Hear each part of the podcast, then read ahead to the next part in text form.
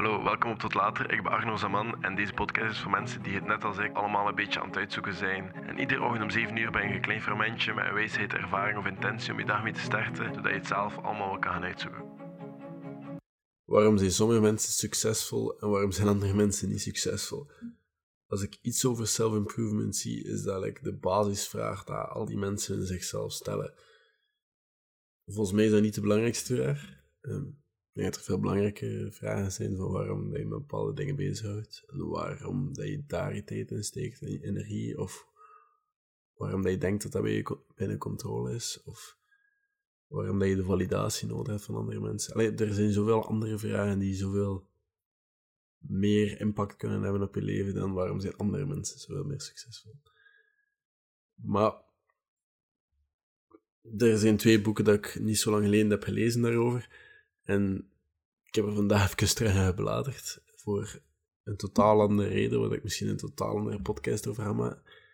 Maar dat bracht me wel op een idee om deze podcast te maken. Ik heb ook vandaag um, Notion helemaal gesetupt. Dus het kan zijn, want ik ken nu hele workflow en alles is heel netjes gestructureerd en het is mega duidelijk. Ik heb ze programmeren. Ik ben er ja, wel tien uur mee bezig geweest. En mijn YouTube, mijn podcast, mijn TikTok, alles staat in schema's. En met verbonden databases en in een bord waarvan dat ik zelfs de, de status kan zijn van nu, dat moet nog gescript worden. Dat idee is er, die, van deze video, dat zit in de post-production fase, dat zit in die fase, whatever. En ja, dat is gesponsord, dat is niet gesponsord, dat is... Allee, alles... Het is, duidelijk en het is, uh, het is nice.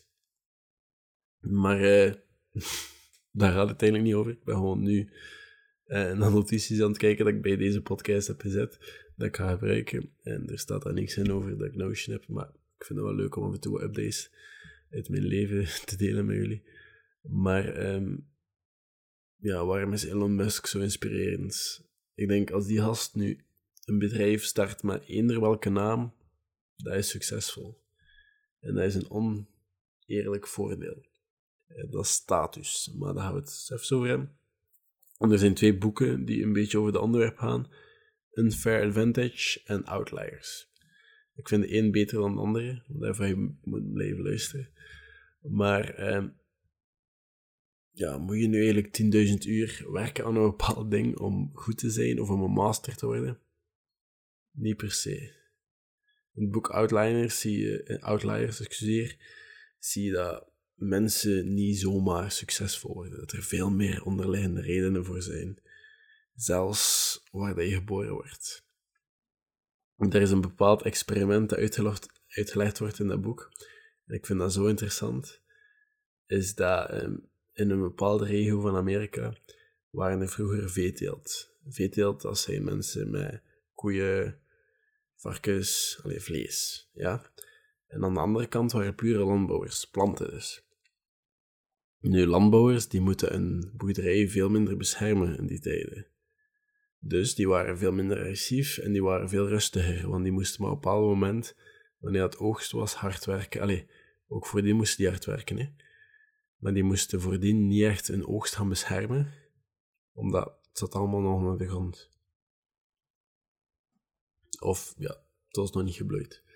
Maar veeteelt, die moet het jaar door beschermd worden. Dus die mensen zijn veel agressiever. En ze hadden mensen uit die regio en mensen uit die andere regio zoveel jaren later laten afkomen voor bepaalde experimenten om te kijken of het agressielevel en ja, ze moesten eigenlijk gewoon een vraag, vragenlijst beantwoorden dat totaal niet ertoe deed bij het experiment.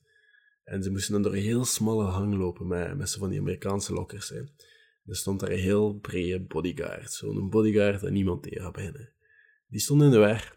En die ging pas op het allerlaatste moment uit de weg. En zulke dingen gebeuren er. En dat ook iemand vlak tegen hen loopt en passeren. En dan moest eigenlijk gewoon die... Het is een heel flow experiment. Moest eigenlijk gewoon die vragenlijst induwen, ingeven. En ze bekeken naar ja, verschillende aspecten.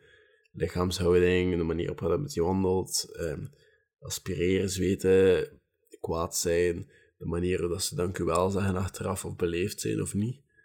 Maar ook vooral ze geven altijd een handdruk wanneer dat ze de enquête aannemen. En of dat die enquête nu hard of nieuw was, dat speelde ook een rol. En ik zeg niet of dat al die termen of al die pure specificaties, dat, dat, dat die geldig genoeg zijn om deze conclusies te nemen, maar ze zijn dat dat, dat, dat erfelijk is over generaties heen. En dat mensen uit daggebied veel agressiever en veel beschermer, alleen meer beschermend en zijn dan de anderen, dan de landbouwers. En zulke dingen, onderliggende factoren, ik vond dat een heel interessant boek. Maar het andere boek, Unfair Advantages, die, die, ja, die legt een beetje hetzelfde concept uit. En ja, je ziet dat het leven eigenlijk gewoon oneerlijk is. Het is niet voor hetzelfde. Allee, het is niet hetzelfde voor iedereen. Dat wordt heel snel duidelijk gemaakt. No matter what, iedereen heeft verschillende sterktes en iedereen heeft verschillende zwaktes. Maar sommige mensen hebben meer tijd of meer geld dan anderen. Of sommige mensen zijn juist op, op de juiste... Allez, sommige mensen zijn juist op het juiste moment en op de juiste plaats. En hebben gewoon heel erg chance. Maar we hebben allemaal wat voordelen die anderen niet hebben. En deze podcast wil ik het eigenlijk een beetje daarover hebben. Om duidelijk te maken dat jij voordelen hebt dat iemand anders niet heeft. En in dat boek springen ze over vijf grote unfair advantages. En de eerste is geld. Nu ja, mensen die uit de rijke omgeving komen, die hebben sneller connecties in die cirkels van Silicon Valley of whatever. Die kunnen daarin gaan. Die hebben netwerk, die hebben connecties. Gewoon omdat ze geld hebben. Die hebben ook investering. Maar geld is ook niet alles. Als je ziet naar startups die veel geld hebben, die gaan niet creatief nadenken. Die gaan, hun groeistrategie is Google Ads en Facebook Ads. En dat is oké, maar dat komt vaak niet goed. Er zijn zoveel andere manieren om campagnes te maken. En sorry, ik ben nu een beetje te veel vaktermini of business talk aan het hebben. Dat boek gaat daar ook wel een beetje over, maar het is ook voor het gewone volk. Voor mensen die daar totaal niet mee bezig zijn, bedoel ik. Maar het tweede aspect is eigenlijk intelligentie. Sommige mensen, we gaan, we gaan niet over liegen, sommige mensen zijn gewoon heel slim. En die, die hebben, ja, die hebben een unfair advantage. Derde is locatie. Steve Jobs. Die is opgegroeid in Silicon Valley of in de omgeving. Die was met computers bezig waar dat je moet met computers bezig zijn. Er is, allee, dat wordt ook in het boek Outliers uitgelegd. Er is zoveel meer aan de gang met Bill Gates en Steve Jobs. En ja, die ene dat internet heeft uitgevonden, of ik weet niet wat het was, websites. Ja, de World Wide Web. Er is zoveel meer aan de gang met die mensen dan enkel hun harde werk. Bill Gates had een manier gevonden om extra uren te kunnen spenderen om te programmeren. Ze konden in het programmatielokaal. Anderen konden dat niet. Dat is een unfair advantage. Allebei zijn ze wel altijd in de goede buurten van technologie gebleven. Ook in de juiste jaren.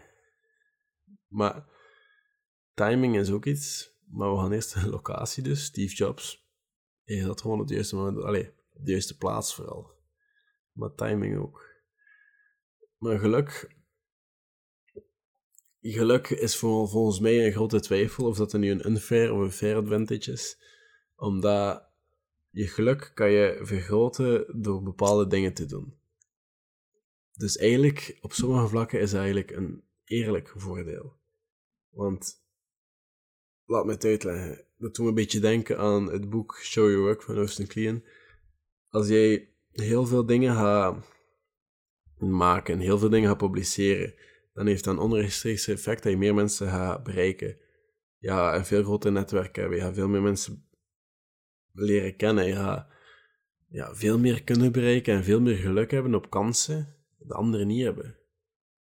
Maar dat begint wel met jij die meer dingen publiceert, jij die meer dingen maakt. Dus is het dan een fair of unfair advantage? Nu, je kan ook gewoon meer mensen gaan ontmoeten. Je kan meer dingen, letterlijk gewoon meer dingen doen meer naar evenementen gaan. Ik ben nu uitgenodigd voor... ehm, ja, in Gent is er zoiets voor start-ups eh, in het gemeentehuis. Het is 29 november. Mensen die gaan, mogen mij op Instagram een DM sturen. Misschien ga ik mee, ik weet nog niet. Ik ben een beetje op die edge, omdat eh, niemand van mijn vrienden haat. Ik ben eigenlijk ook de enige die wat aan het opstarten is. Maar ja, moest je daar aanwezig zijn, let me know, misschien passeer ik eens. Maar ehm, ja, het volgende puntje, sorry. Ja, je kan ook gewoon meer naar evenementen gaan, meer mensen ontmoeten, meer mensen die je werk zien, dus meer publiceren, feedback vragen. Hoe meer dat je feedback vraagt, hoe beter dat je werk is en hoe, meer, hoe beter dat je werk is, hoe meer mensen dat je werk leuk vinden en het is een cirkel, hè. hoe groter dat de kans op geluk is. En fair of fair adventures, ik ga dat jou overlaten, maar ik denk toch wel dat dat een eerlijk voordeel is. Maar het is misschien een beetje bias. Het vierde puntje, educatie. Expertise. In België hebben ze wel het voordeel als nadeel. Nadeel is... Ik ga beginnen met het voordeel. Het is gratis. Of ja, gratis. Het is duur, maar het is betaalbaar. En voor mensen dat niet betaalbaar is, die krijgen zelfs geld. Ja. In Amerika heb je dat niet. In Amerika moeten ze grote lonen leningen aangaan.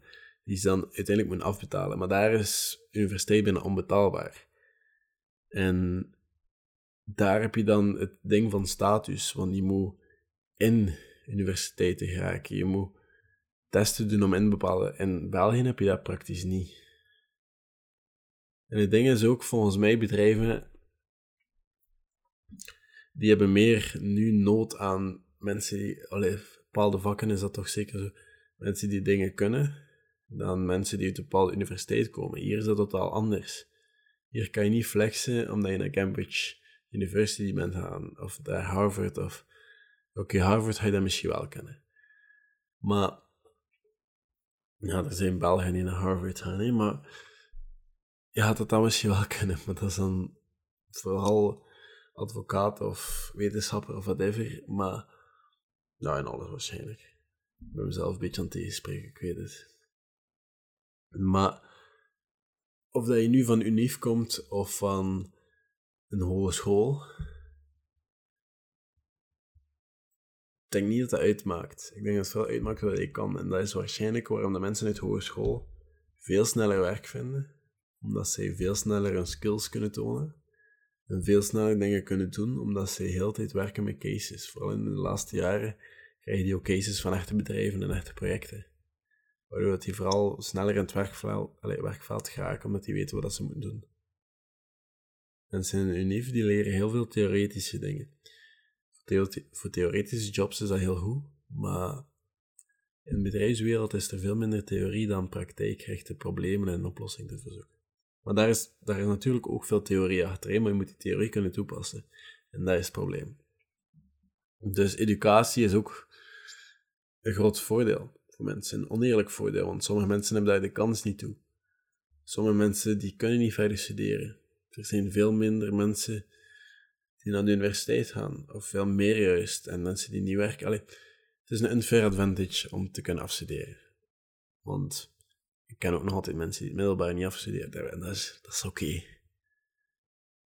Want de personen die ik ken, die zijn ook ergens terecht te komen. En die doen nu een droomjob. En die hebben daar een diploma voor nodig. En die doen dat goed. Maar iedereen heeft een ander padje. Maar onderwijs of expertise in een bepaald vak, dat blijft nog altijd een oneerlijk voordeel. En dat is oké. Gewoon als je dat voordeel hebt, gebruik dat dan. Status, ik heb er al over gezegd. Elon Musk, welk bedrijf dat hij ook start, dat mag, dat mag penis noemen, dat gaat succesvol zijn. Dat is gewoon status. Dat is door SpaceX en Tesla. Je kan ook status creëren door meer zelfvertrouwen, dus dat is dan weer een fair voordeel. Want zelfvertrouwen, dat is gewoon, dat is op te lossen. Je kan daaraan werken. Je kan dat krijgen door je eigen beloftes na te komen. Dingen nakomen dat je zegt tegen jezelf. Hoe je dingen zeggen tegen jezelf. Zeggen, dingen zeggen tegen jezelf dat helpen en niet afbreken. Je kan dat op veel manieren krijgen en je moet dat ook gewoon doen. Maar iedereen heeft dezelfde kansen op dat vlak. Allee, nee, dat is niet waar.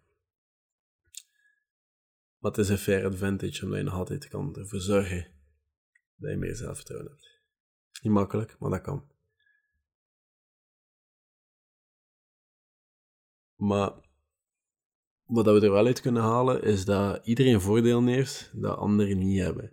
En dat we ervan gebruik maken. En soms is het gewoon beter om geen voordeel te hebben, omdat we dan creatiever gaan zijn. Ik ken een voorbeeld van Facebook en Google Ads. Mensen die geen budget hebben, die gaan creatievere campagnes starten. Die gaan, die gaan denken aan een guerrilla-campagne. Kan ik bijvoorbeeld grote snoepen gaan zetten in de stad van Antwerpen en daar iets mee doen. Dat kost veel minder geld dan Misschien is dat lokaal wel een groot effect aan. Who knows. Maar mensen die minder budget hebben, die moeten dan creatiever denken. En een fair advantage wordt dan ook weer minder geld hebben. Dus het is altijd van welke opzicht hij bekijkt. En je kan kijken van, oké, dit is een nadeel. Maar is dat een nadeel of is dat een oneerlijk voordeel dat ik hier heb? Want anderen hebben dat niet. Snap je wat ik bedoel? Alles, iedereen heeft wel voordelen en iedereen heeft wel nadelen. Maar je moet gewoon die voordelen leren gebruiken.